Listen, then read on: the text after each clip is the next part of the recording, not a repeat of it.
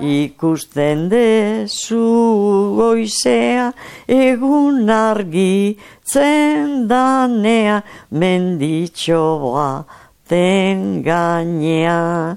Etxetipitxo, hain Etxea, ondarea historia mintzoa.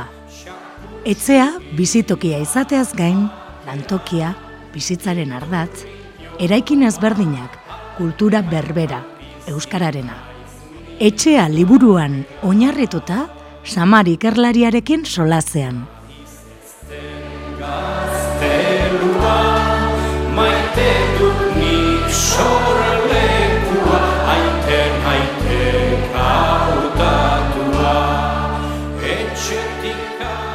Etxea ondarea historia mentzoan liburuan barrena gabiltza, Bilbo iria irratian, samarrekin batera, errepasua egiten ari gara ez, gure eraikinen, e, historia eta ondariaren inguruan. Dagoeneko badaukagu gurean, prest, hau fasamar? Kaixo, ane, moduz. Ondo aurrekoan Bizkai aldean e, ibili ginen edo geldialdia egin genuen eta Bizkaiko etxe eta baserrien inguruan mintzatu ginen. Oraingoan lurralde aldatuko dugu, ez? E, Zuberoara lehenengoz joaten garenean, e, segituan konturatzen gara, ba, Bizkaiarekin alderatuta etxeak e, guztiz ezberdinak e, direla, ez? E, oartzen gara, teiatutik abiatuta, ez? Teiatutik hasita oso ezberdinak direla, ez? Eskualde horietan klima desberdina dagoelako eta horrek eragin du eraikina ezberdin izatea. Hori da, klima eta, eta eskualdea bera, beharnen aldera begira dago ere, badute hartu harreman importanteak edo bazituzten hartu harreman importanteak e, nekazal eta beltzain munduan, Orduan beste moda batzu daude, beste eraikitzeko manera daude, ez? Naiz da hori lenguan ere aipatu denen bezala kulturalki gureak izan, osea, hasten zara hain arrotz egiten zaizkigun eraikin horiek begira, baina gero ikusten dituzu izena eta izena da etxe berri garraia, pezetxea, xo-xarria, ah, vamos, ez dagoela sala berria, kauregia, ez daudela e, kulturalki diferentziari. Orain, eraikina desberdina da, alde batetik modak, eragina, eta gero klima, eta aipatu duzun bezala, ez, hor, tilatuek baduteia aldapa handiago bat, mm -hmm. elurra dela, eta, eta beste baldintza batzuk ere historikoak izan direnak. Adibidez, gilena bide mesortzigarren mendean, lehenago konmendetan, e, xuberoak asko sufritu zuen erligio gerretan. Mm Herriak erreak izan ziren, eta olako, olako historia dugu. Eta ja, eraikinetan ikusi egiten da, geroztik egina direla asko edo gehienak, eh? Mm dela. Eta gero, xuberokoek badute berezitasun bat. E, gainerako, Euskal Herri gainerako herrietan ikusten ez duguna, eta bizkaikoa lehen gaipatu genuela, bakigu bizkaiko etxe batek, baserri batek, tegi guzia barnean ditu. Bertan hmm. dago korta, belartegia, txakurte, txakurtegia eta mao zerritegia, eta dena dena barnean. Aldiz, zuberoan, e, e, etxea et, e, eta lan egiteko tokiak berizuta daude. Mm -hmm. Etxe bizitza dago alde batean, eta aparte dute, e, korta e, ikuilua, biztan da, ritegia, mm belartegia, eta batzutan, subiroko etxea dire, alako, alako gune bat bezala, e, eraikin txikiago batzuekin inguruan. Mm Eta hor, banatuta daude lanak, alde, alde batetik, ditu, e, sanidad, osasun ikuspegi batetik begiratuta, mm. ba, obe, obeak ziren, eh, zentzu bai. Mm -hmm. Baina klimak bakarrik baldintzatu du horrela izatea etxeak? E, ez klima bakarrik, aipatzen duguna baliabidek eta modak. Eta modak, ere.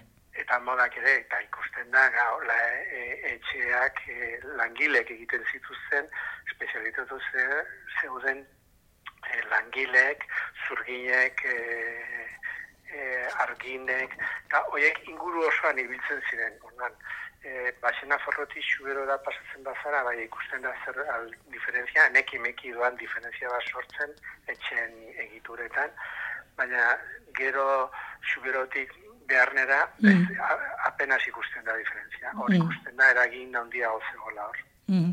Gero ere muga aldekoak izateak ere, e, bueno, bai patu bai. dituzu ez, e, e, arazo batzuk, eta horrek ere e, bai, bai. badu zer ikusia ez? Bai, bai, ma hor, xuberoan berezi barne gerrak, erligio gerrak izan zirenak, e, importantea ziren. Gero aipatzen baditu Nafarroako mugan dauden ibarretan, ba, ronkari, e, saraitzua, eskoa, erroibar, luzaide hori guztiak, hoi guztiek sufritu dutena izan dira Espainia eta Frantzian arteko gerra. Ja, Espainiak sortzen dio gerra Frantziari ala aldean eta gu beti erdia. Eta izan da desastre utza, emeretzigarren mendean desastre utza izan zen. Mm -hmm. Hoi, herriak e, suntzituak izan zirelakoz, herreak behin da berriz, gure herria, garrala, beste dira be, emeretzigarren mendean, emezortzigarren mendean, bukaia emeretzigarren mendean, Espainiako eta Frantzia horretan bitan errezuten, gero etorri ziren karlistak berriz errezuten, mm -hmm. gero istripuz berriz errezen, ba, fin, e, juerga bat, mm -hmm. mende guztian, e, eten gabeko eraikin behar etxea, ez? Mm -hmm. Etxea, liburuan ere aipatzen zenuen, etzeik ez zutela e, teiarik, ez? Hori da, e, teia etzen, e, orain dikan borda batzutan ikusten da, e, e, oholez egindako alako pieza txiki batzuk, eta horiek ziren etxe gainean jartzen zirenak. Ba, isu zen, hainbeste, asko alde pobreago da, aberatzago nekazal, nekazari aberatz, nekazal gune aberatzagoak ziren bizkaia eta gipuzko aldekoak, han goiti hartan, ba, ba klimak ez zuen laguntzen, eta batez ere abeltzaintza zen erantzen zena, ez? Eta pobreak ziren, eta teia, teia kasu, eh, horrein etzai gure ditzen, baina luxu, luxu pieza bat zen. Mm -hmm. zen, Euskaran, guri barrean, aezkoa eta saraitzu aldean, teiatuari ezin zitzaion teiatua deitu, espaitzuten teiarik. Eta hizkuntzaren logika segituz, etxe gaina deitzen zioten gaur egun oraindik ere, etxegaina. Mm Erabiltzen den eh, hitza da. Bai, bai, etxegaina. E, gu, xarrekin izketan ikasi nahian bertako gauzetan mm ibiltzen ginen beti. Eta honek zizena du, sukune, eta teiatua nola, ez, teiatua ez, etxegaina. Eta zetik, gau, teiarik etzegoelako, teia, e, garren mendean sartuta hasi zen jartzen. Mhm. Horrek oso arriskutsu egiten zituen etxeak, zen gambarak, sabaia, sabaiak, belarrez bete eta mhm. etxe gaina zurezkoa funtzean, ba, ba, ba, zute baten kasuan, ziren, zuteak ziren ikaragarriak, mhm. ikaragarriak. Bai, tximista txiki batek e, dena erre galtzuen. eta gero zabaldo egiten zen, espaitzen urik ez izaten etxetan. Ez eta sueltzailerik. izaten zen, bai, nahiko, nahiko peligrosa, bai.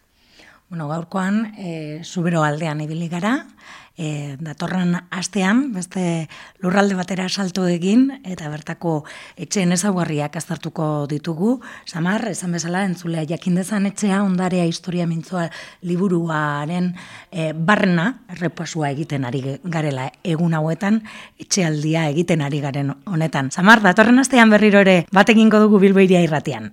Ederki, nahi duzen bezala. Aur ikusten dezu goizea egun argi zendanea menditxo ba ten gainea Etxetipitxo hain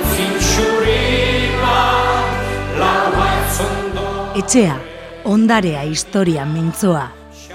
Etxea, bizitokia izateaz gain, lantokia, bizitzaren ardatz, eraikin ezberdinak, kultura berbera, euskararena. Etxea liburuan oinarrituta, Samar ikerlariarekin solazean. Maite dut nik sorlekua, aiten aiten kautatua,